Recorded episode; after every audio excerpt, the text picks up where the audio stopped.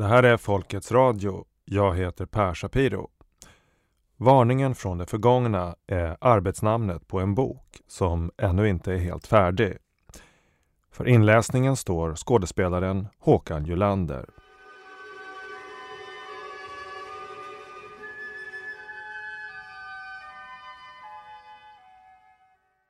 Två.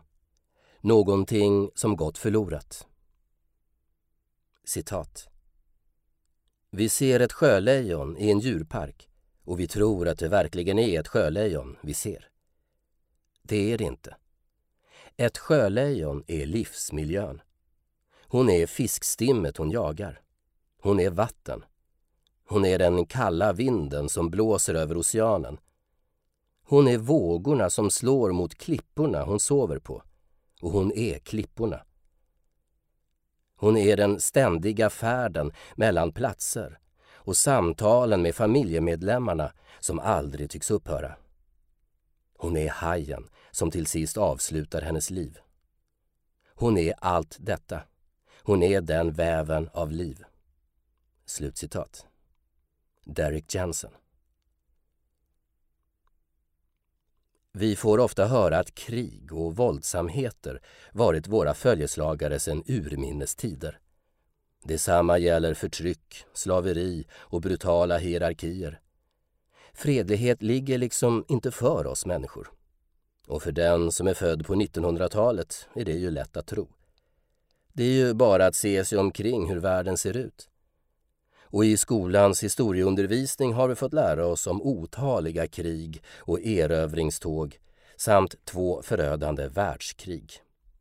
Krig, får vi lära oss, är naturligt. Det är felaktigt. Tvärtom har mänskligheten mesta tiden på jorden levat fredligt och relativt egalitärt. Det är de krigiska och hierarkiska samhällena som är en historisk anomali. Det hävdade den litauisk-amerikanska arkeologen Maria Gimbutas. I sin banbrytande men kontroversiella bok The Goddesses and Gods of Old Europe från 1974 argumenterar hon för att det i den västerländska civilisationens begynnelse fanns samhällen som var fredliga och hållbara. Gimbutas kartlade en kontinuitet av framgrävda symboler från den allra äldsta bevarade europeiska konsten, från stenålderns grottmålningar och framåt.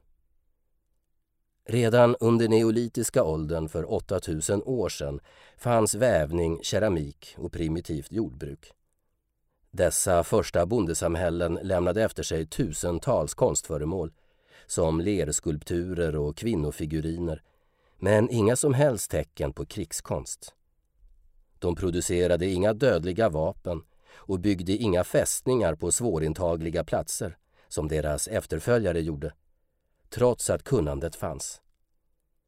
Den centrala ideologin i den gammaleuropeiska konsten tycks vara hyllningen till livet och naturens mirakel.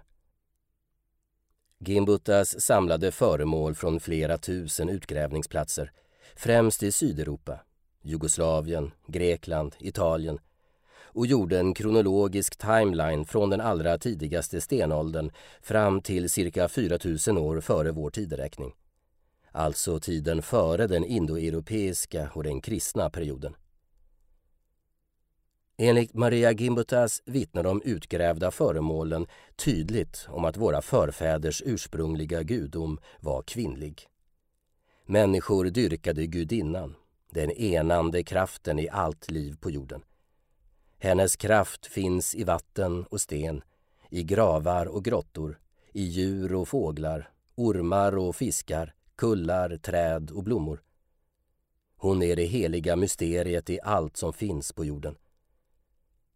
De framgrävda ymniga kvinnoskulpturerna ansåg Gimbutas inte porträtt av konkreta personer de är sammanblandningar av djur, fåglar och kvinnokroppar som är metaforiska för Moder Jord, gudinnan.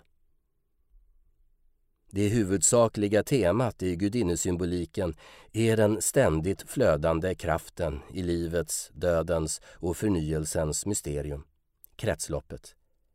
I konsten uttrycktes detta i dynamiska rörelser, i virvlande och vridande spiraler, ringlande och slingrande ormar, cirklar, halvmånar, horn, spirande spröt och ax.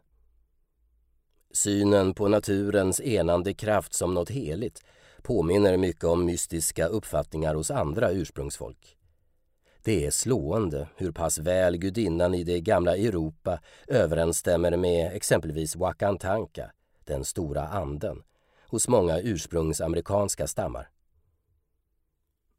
Från den stora anden kom den stora förenande livskraften som flödade in genom alla ting, slätternas blommor, vindarnas blåst, stenarna, träden, fåglarna, blommorna. Och det var samma kraft som andats in i den första människan. Således var alla ting besläktade och förda samman av samma stora mysterium. En del stenåldersbyar hade så många som 15 000 invånare och tycks alltså ha varit kvinnodominerade på det religiösa planet. I motsats till vad hon kritiserats för hävdade Gimbutas aldrig att dessa kulturer var matriarkat i bemärkelsen spegelvända patriarkat. Männen hade också viktiga funktioner i det gamla Europa och det fanns även manliga gudar, om än i huvudsak som medhjälpare till naturens gudinna. De stimulerade livet i naturen, men det var hon som genererade det. Den engelska termen matrifocal kommer närmare än matriarchal. Enligt Gimbutas finns en tydlig koppling mellan de metaforer och religiösa ideal som konstföremålen och målningarna gav uttryck för. Vår samhörighet med naturen och de sätt på vilket människor levde. Hon beskrev en civilisation som fortgick i flera tusen år utan krigsredskap och kungamakt, utan arméer och slavar. I motsats till vad vi kanske föreställer oss idag är krig och erövringar således inget naturligt och alltid förekommande. De är, enligt Gimbutas, en anomali och en parentes i människans historia. Även om Gimbutas teorier förblivit kontroversiella tycks det obestridligt att det funnits en tid då även europeer haft ett förhållningssätt till naturen som något, eller rent av någon, att vörda och ingå i relation med, inte som en resurs att exploatera. Vi bör också ha klart för oss att mycket av kritiken mot Gimbutas teorier är präglad av den patriarkaliskt färgade historieförvanskning som dominanskulturen haft årtusenden på sig att genomföra. Det är som bekant segraren som skriver historien. Eller som Napoleon Bonaparte uttryckte saken, historien är en uppsättning lögner som man har enats om. Exakt var dominanskulturen tog sin början är idag omöjligt att veta. Historiker och arkeologer är dock någorlunda överens om att någon gång omkring 5000 före vår tideräkning inleddes en lång rad invasioner av Europa, Mellanöstern och Nordafrika. De utfördes av indoeuropeiska nomadstammar som härstammade från de norra delarna av Europa och Asien. Det fanns också semitiska, nomadiska inkräktare som invaderade Kanan, som senare kom att kallas Palestina. Huruvida det kan ha funnits ett gemensamt ursprung mellan denna grupp, kallad hebreerna, och de indoeuropeiska stammarna har varit föremål för spekulation och är ej klarlagt. Det råder många likheter, exempelvis att de sociala systemen byggde på en patriarkal härskarmodell. Enligt historikern och teologen Merlin Stone finner vi hos indoeuropeerna också ursprunget till många av de idéer som vi förknippar med de tidiga hebreerna. Gud på bergstoppen, en manlig gudom som dräper ormen, en viktig gudinnesymbol, och som sagt en utpräglad härskarklass. De invaderande stammarna förde med sig ett prästerskap som åberopade sig på en manlig gudom. Det var alltså inte enbart fråga om territoriella utan även om religiösa korståg. Mönstret var att de först invaderade och sen styrde över de ursprungsfolk vars land de tagit i besittning. Kulturhistorikern Reane Eisler har påpekat att själva kärnan i inkräktarnas trosystem var att man värderade högre makten att ta liv än makten att ge liv. Där man i gudinnekulturerna dyrkade livskraften var vapnets helighet föremål för de invaderande stammarnas religiösa symboler. Denna glorifiering av den dödliga kraften hos den skarpa klingan, skriver Eisler i sin bok Bägaren och svärdet, beledsagade en livsstil där den organiserade slakten av andra människor tillsammans med förstörelsen och plundringen av deras ägodelar och utnyttjande av deras personer verkar ha varit normalt. Hierarki, våldtäkt, plundring, slaveri, skövling och utsugning tycks alltså ha tagit sin början med dessa invaderande nomadfolk som åberopade sig på svärdets dödliga makt och en manlig, utomjordisk skapargud. I sin bok When God was a woman beskriver Stone hur gudinnereligionerna systematiskt förbjöds och undantrycktes. Först av de indoeuropeiska erövrarna, sen av hebreerna och så av de kristna och sen ytterligare av muslimerna. Man gjorde vad man kunde för att utplåna gudinnereligionerna och sudda igen alla spår. Man rev tempel och andra heliga platser, förstörde alla synliga symboler, inklusive konstverk, skulpturer, vävning och litteratur. Genom århundradena har sedan de hedniska myterna censurerats, skrivits om och förvanskats, inte minst i evangeliska texter. Kvinnlig symbolik ändras till maskulin. Gudinnan framställs som lättsinnig och bedräglig. Det kanske mest kända exemplet är myten om Adam och Eva, där ormen, en av gudinnans viktigaste uppenbarelseformer i såväl Europa som i Asien och Mellanöstern, nu istället föreställer djävulen i paradiset. Härmed inleds också det brutala förtrycket av den kvinnliga sexualiteten som varit helig inom gudinnekulturen. Att bygga auktoritära samhällen där kvinnor har en underordnad ställning och där mänsklig sexualitet är stympad kanske var ett mål i sig för dessa maktlystna härskare. Men det fanns, som vi ska se längre fram, ett ännu mer fundamentalt skäl till korståget mot gudinnereligionerna och de hedniska riterna. Den schweiziske kemisten och mystikern Albert Hoffman är något viktigt på spåren när han, som vi tog upp i kapitel 1, beskriver den schizoida katastrofen som drabbat det mänskliga psyket. Särskilt lyfter han fram utplånandet av de antika mysterieskolorna som under tusentals år under antiken förmedlat viktig kunskap och initierat människor i naturens mysterium. Det var, menar Hoffman, någonting avgörande som gick förlorat när dessa andliga centra försvann. 1977 gav Hoffman tillsammans med två medförfattare ut boken Road to Illusis. I förordet påstår de sig äntligen ha löst mysteriernas gåta, det vill säga vad som egentligen ägde rum i dessa mysterieskolor. I boken bjuds intressanta kulturhistoriska exposéer och författarna driver tesen att den mytomspunna dryck, the kaikion, som användes vid initieringsceremonin innehöll en ingrediens som hade vissa psykedeliska egenskaper. Boken levererar dock inte på författarnas löfte. Som läsare lämnas man alltjämt undrande. Vad handlade egentligen mysterierna om? Och vad var det egentligen som vi blev avskurna från där för ungefär 2000 år sedan? Det måste vi veta om vi verkligen vill förstå hur vi hamnat där vi hamnat. Och denna viktigaste pusselbit får vi söka hos gnostikerna. Vi måste gräva fram vad mytologiforskaren John Lamb Lash har kallat den mest censurerade kunskapen som någonsin funnits på den här planeten. Men låt oss för begriplighetens skull börja med den utplåning, den mörkläggning och den hjärntvätt som genomfördes för att denna kunskap för alltid skulle falla i glömska. Så tar vi oss den vägen fram till själva mysteriet och till den varning gnostikerna försökte förmedla till mänskligheten.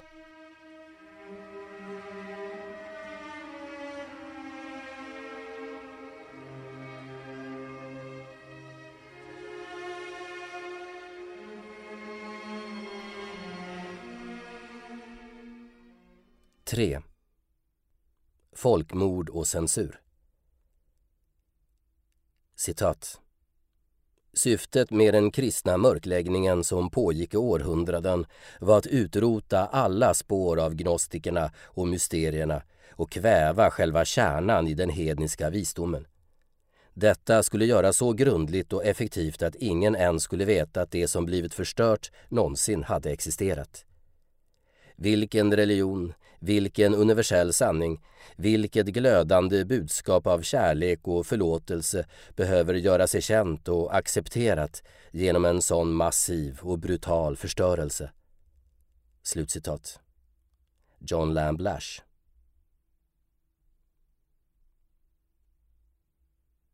Citat.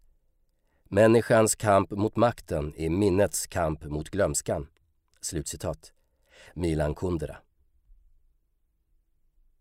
Gnostikerna har ibland kallats för de tidiga kristna. Men som vi snart ska se är det en i viktiga avseenden felaktig och missvisande beskrivning. Åtminstone tagen ur sitt sammanhang. Gnostikerna är ingen enhetlig grupp, vare sig regionalt eller etniskt. De fanns utspridda över hela Medelhavsområdet och hade sitt kulturella och andliga centrum och möjligen ursprung i Iran och det som brukade kallas Levanten, alltså hela området från Balkan till Egypten. Det råder inte konsensus gällande betydelsen av ordet gnosis, men en innebörd vi kan utgå från beskriver gnosis som kunskap eller visdom som mottas i ett sorts transtillstånd direkt utan mellanhänder från den levande planetens intelligens. Liknande shamanistiska kunskapsvägar återfinns i alla ursprungliga kulturer men hos gnostikerna i sin mest sofistikerade och välorganiserade form med bibliotek och mängder av lärocentra. Gnostikerna var, skulle man kunna säga, den hedniska världens intelligentia och shamaner. Centrala för gnostikerna var de så kallade mysterieskolorna som kan sägas ha varit antikens spirituella universitet. Det var inte utan anledning som de abrahamitiska religionernas ideologer hatade gnostikerna. Det gnostiska narrativet utmanade de fundamentala judisk-kristna trosuppfattningarna och skapelsemyterna. Som vi ska komma till i nästa kapitel bevarade gnostikerna vad de ansåg vara helig kunskap om jordens ursprung och om hur vi som art kan samspela och utvecklas i symbios med planetens intelligens. För att tala med mytologiforskaren John Lamb Lash representerade gnostikerna inte en alternativ religion utan ett alternativ till religion överhuvudtaget. Ett frontalangrepp mot blind dogmatisk tro och mot tillhörande moralregler och hierarkier som sades komma från en utomjordisk skapargud. Gnostikerna hade insikter som gjorde alla religioner överflödiga. Dessutom försökte de, som vi ska se i kapitel 5, tidigt varna för att den nya messianska frälsningsläran i själva verket var en utomjordisk härskarteologi. Ett livsfarligt bedrägeri som hade potential att leda mänskligheten vilse från sitt ursprung och mot fördärv. I sin bok Not in his image, Gnostic Vision, Sacred Ecology and the Future of Belief, som jag återkommande citerar ur, skriver Lamblash att den mänskliga historien inte känner någon motsvarighet till det spirituella och intellektuella folkmord som riktades mot mysteriernas väktare och deras anhängare. Man bör vara noggrann med termen folkmord, genocide. Men när den används i denna vidare bemärkelse är påståendet obestridligt. Den systematiska utrotningen av människor som kunde tänkas besitta gnosis inbegrep det så kallade hedniska Europa och delar av Mellanöstern, men även ursprungsfolken i Amerika, Afrika och Australien. Hit bör även räknas flera av de riktade mordkampanjerna under inkvisitionen och den ofantliga terrorn under flera sekel mot huvudsakligen kvinnor som anklagades för att vara häxor. De storskaliga förföljelserna av gnostikerna inleddes på allvar när den religiösa fanatismen ingick allians med det romerska imperiets militärmakt. Theodosius den store, som var kejsare år 379 till 395, gjorde kristendomen till statsreligion i romarriket. Under sina 15 år vid makten stiftade han över 100 nya lagar som berövade gnostikerna deras rättigheter och egendom, och inte sällan deras liv. Templen och mysterieskolorna där förstördes och förbjöds. Kejsarens påbud var att alla böcker som motsade det kristna budskapet skulle brännas. Man förstörde flera viktiga bibliotek där mycket av antikens kunskap och mystik fanns samlad. Bland annat det i Alexandria, som vid tidpunkten var det största i världen. Förföljelserna intensifierades undan för undan. De gnostiska och hedniska lärorna fördömdes som perversioner och på 500-talet brändes människor på bål i massor. Inte bara de som kunde beläggas med kopplingar till gnosticismen utan även deras anhöriga. Det brutala mordet på den lärda gnostiska adelsdamen Hypatia ses av en del historiker som det symboliska slutet på antiken och början på de mörka tiderna. Hon överfölls av en lynchmobb av kristna munkar som slet ut henne ur hennes vagn när hon kom åkandes genom Alexandria. De kastade omkull henne och angrep henne med slag och sparkar inför förfärade åskådare. Munkarna skrek att hon var en vidrig kättare som förledde människor med sitt fagra utseende och sin sataniska undervisning. Hon försökte ropa efter hjälp men de slog av hennes käke och fortsatte sedan misshandeln tills hon låg livlös i en pöl av blod. Då förbyttes männens raseri i triumf. De slet av både armar och ben från Hypatias kropp. Från en närbelägen strand hämtade de vassa snäckskal och fullbordade lynchningen med att hacka av varenda köttstycke från skelettet som de sedan brände till aska. Det finns även en viss symbolik i själva den bestialiska våldshandlingen. Den kan sägas ha varit det rituella mordet på gnosticismen, på den heliga kunskap om människans ursprung och planetens väsen som var nödvändig för att kristendomen skulle kunna ta över. Det var den visdom som måste förintas lika grundligt som mördarna skrapade av varenda köttstycke från Hypatias skelett för att en totalitär kontrollreligion skulle kunna etableras. Som vi kommer till i kapitel 4 var det kunskap som vi aldrig skulle ha återfått om det inte varit för de undangömda skrifter som återfanns i en grotta i Egypten 1945. Efter mordet på Hypatia bredde det medeltida mörkret ut sig. En relativt känd utrotningskampanj på människor som var influerade av gnostikerna var det på katarerna som levde i Sydfrankrike. Korståget utlystes omkring 1208 av påve Innocentius som förutom evig frälsning utlovade kättarnas land och egendom åt alla som tog till vapen mot katarerna. På det följde utrensningar som pågick i flera decennier och som var brutala även med medeltida mått. Tillfångatagna katarer torterades. Man stack ut deras ögon, släpade dem efter hästar. Över 200 000 människor mördades. De flesta som tillfångatogs brändes på bål. Ett vittnesmål finns bevarat från slakten av de 7 000 invånarna i staden Marmande år 1219. Massakern inleddes med att män, kvinnor och deras små barn blev avslitna sina kläder som skars i slamsor av svärd. Kött, blod, hjärnor, bröstkorgar, lemmar och ansikten hackades itu. Lungor, levrar och inälvor slets ut. Sumpmarken var helt röd av blod. Ingen man eller kvinna lämnades levande, varken ung eller gammal. Marmond raserades och stacks i brand. Det var inte enbart katarer som dödades. Inför attacken på staden Béziers ska påvens sändebud Arnold ha fått frågan hur hans mannar skulle kunna skilja mellan kättare och katoliker. På det ska han ha svarat att de för säkerhets skull skulle döda alla eftersom Gud kommer att känna igen det sina. Samtliga av stadens 20 000 invånare massakrerades. Inte ett enda barn skonades. Utrotningståget fortsatte.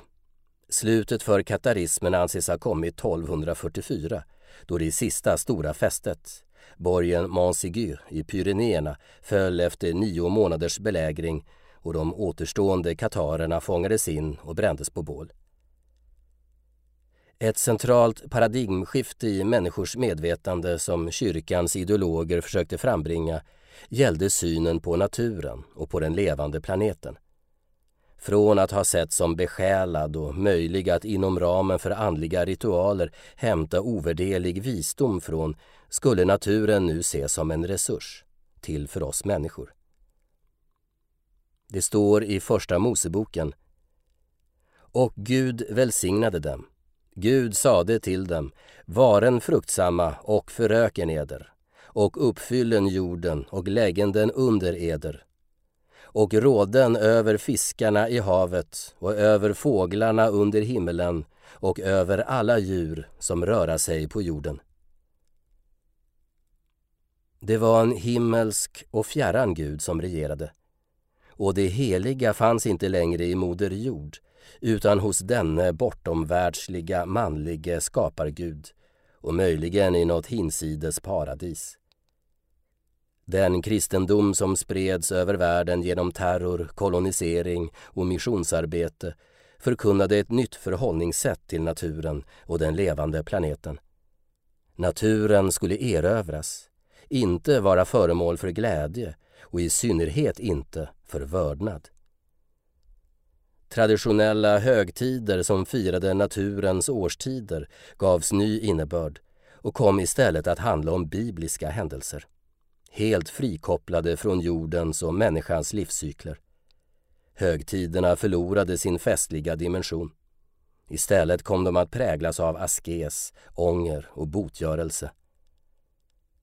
Det står i Nya testamentet. Döda därför era jordiska begär, sexuell omoral, orenhet, lusta, ont begär. Det naturliga det kroppsliga, kötsliga kom att ses som fult och skamligt. Sexualiteten som syndig. Planeten och kroppen, i synnerhet kvinnans, var att betrakta som gudsförgätna platser, djävulens domäner.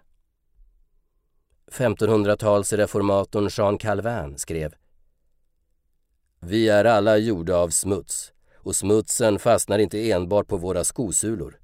Vi är fulla av den vi är inget annat än smuts och lera utvändigt och invändigt.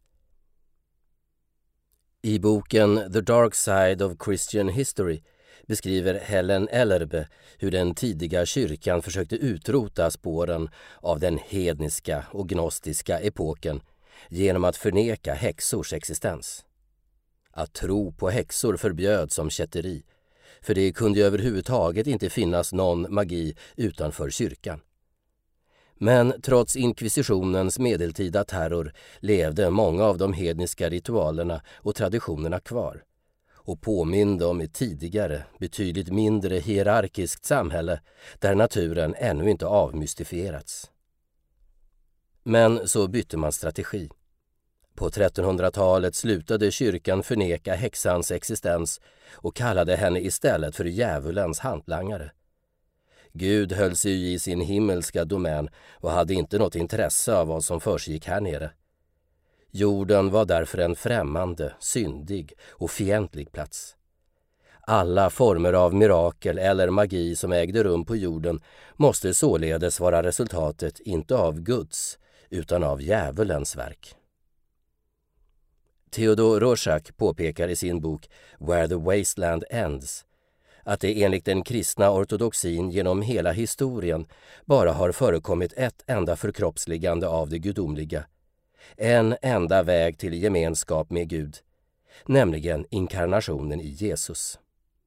Därför kunde de kristna auktoriteterna inte tolerera någon som helst kontakt med det heliga som de inte hade monopol på. Och därför genomförde man korståg mot den magiska världsbilden. Den allmänna skepsisen mot all form av magi är, menar Rorschach, nedärvd från den tidiga kyrkan. Den drygt 300 år långa häxjakten 1450 till 1750 tillhör de mörkaste och skamligaste kapitlen i Europas och i den kristna kyrkans historia. Det fanns många aspekter av häxprocesserna som var en fortsättning av förtrycket och censuren av de hedniska religionerna något som bland annat historikern och antropologen Margaret Murray visat i flera böcker. Åsikterna går vida isär i fråga om antalet människor som dödades under de tre seklen. Allt ifrån några hundratusen till åtta miljoner.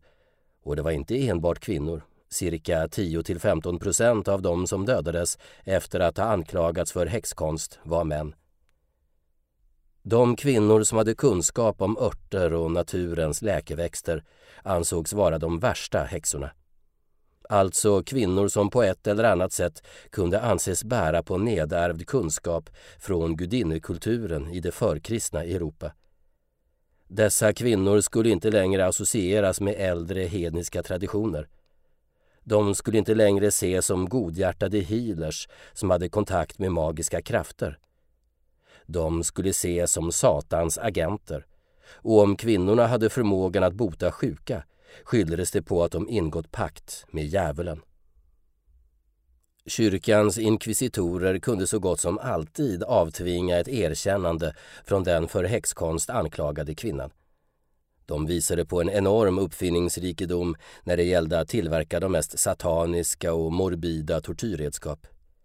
Helen Ellerbe citerar en läkare som tjänstgjorde i fängelserna som vittnade om kvinnor som drivits från förståndet.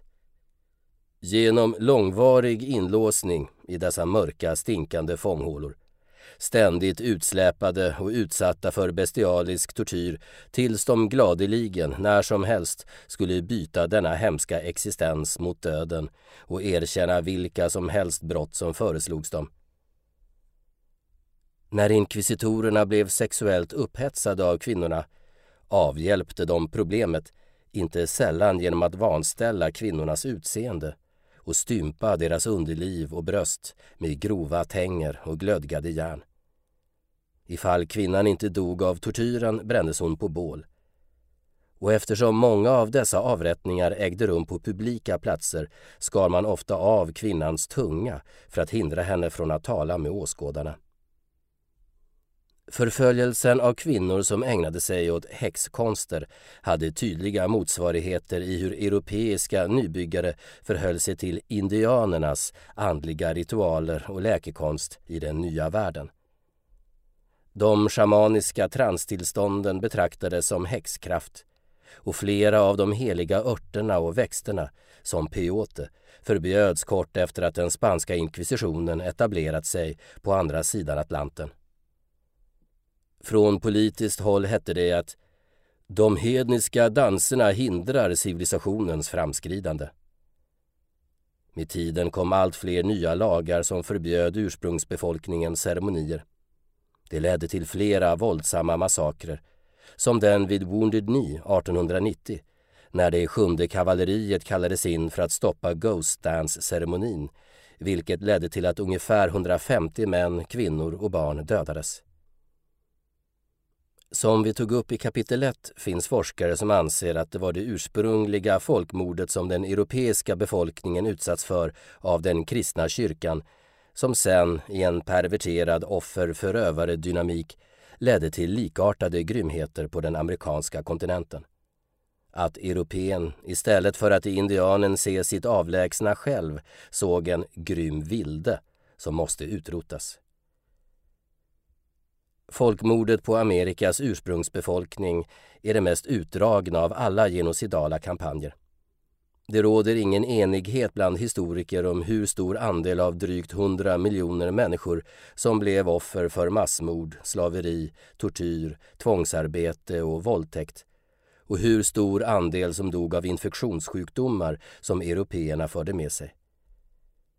De flesta av massakrerna och övergreppen är inte dokumenterade. De har gömts undan i det Orwellska minneshålet. Ett undantag är det i Sand Creek när ett kavalleriuppbåd attackerade en Cheyenneby och hundratals obeväpnade kvinnor, barn och åldringar mördades brutalt. En vittnesskildring lyder Dibarn rycktes från barmen och slets i stycken framför sina mödrar. Skalpar, öron och näsor togs som troféer. Kavalleriets mannar skar loss könsorganen ur indiankvinnors kroppar och spände dem över sadlarna som troféer eller satte fast dem som prydnader på sina hattband. Några skar av kvinnors bröst och använde dem som tobakspung. Så förutom plundring och girighet, vad gick de ut på? Alla dessa bestialiska massmord och förföljelser. Givetvis som inom alla maktsystem för att inga gudar skulle få finnas utanför den kyrka som gav sin välsignelse åt den rådande makten och åt strängt hierarkiska och patriarkala samhällen. Men på ett djupare plan, vad var det frågan om? Varför utplånades gnostikerna? Varför brände man på bål de kvinnor som hade kännedom om örter och läkekonst och som bevarade kunskaper om naturens mysterier som gått i arv från mödrar och mormödrar och farmödrar? Varför reste missionärerna över hela världen för att konvertera människor till kristendom?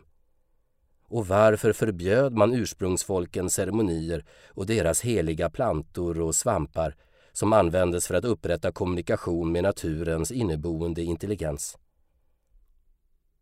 Om man bara betraktar dessa förföljelser utan några särskilda förkunskaper ser det ut som att det finns någonting i naturen som makthavare, för att kunna härska, behöver hålla människor avskurna ifrån.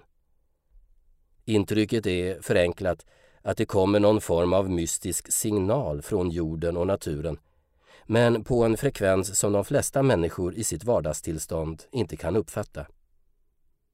Härskarnas strategi tycks alltså ha varit att utrota alla gnostiker, shamaner och medicinmän förbjuda alla traditioner och ceremonier och tillhörande kaktusar, svampar och plantor.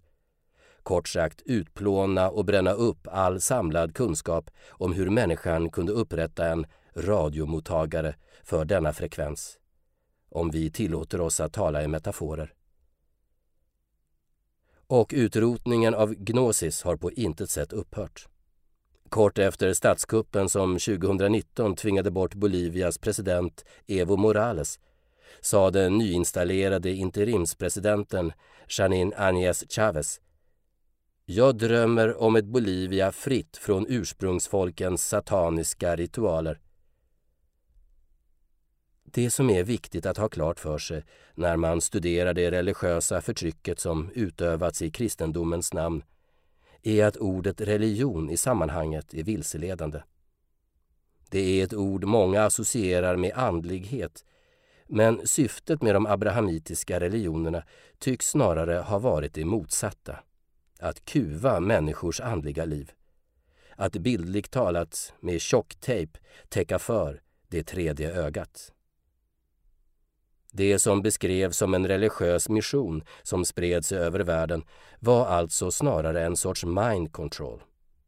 Härskarreligionen skulle istället vara andlighetens motsats. Katekes och husförhör, puritanism och livsförnekelse. Via skolsystem och indoktrinering skulle människor programmeras till att inte längre kunna vare sig uppleva eller tro på tillvarons magi. När vi ser den kristna agendan i det ljuset blir det också lättare att förstå hur pass smidigt den döda blicken på naturen kunde fortplanta sig vidare i den vetenskapliga och senare industriella revolutionen. Synen på naturen som en plats där inga mirakel sker gifte sig alldeles utmärkt med mekanistiska synen på världen som präglade det vetenskapliga paradigmet. Författaren och feministen Jane Caputi har i Age of Sex Crime träffande beskrivit häxprocesserna som den rituella parallellen till den pågående vetenskapliga revolutionen. Inkvisitionen i domstol, de ändlösa förhören, tortyren av kvinnor med mekaniska verktyg jämför Caputi med mandatet att ta prover och avkräva naturen hennes mysterier.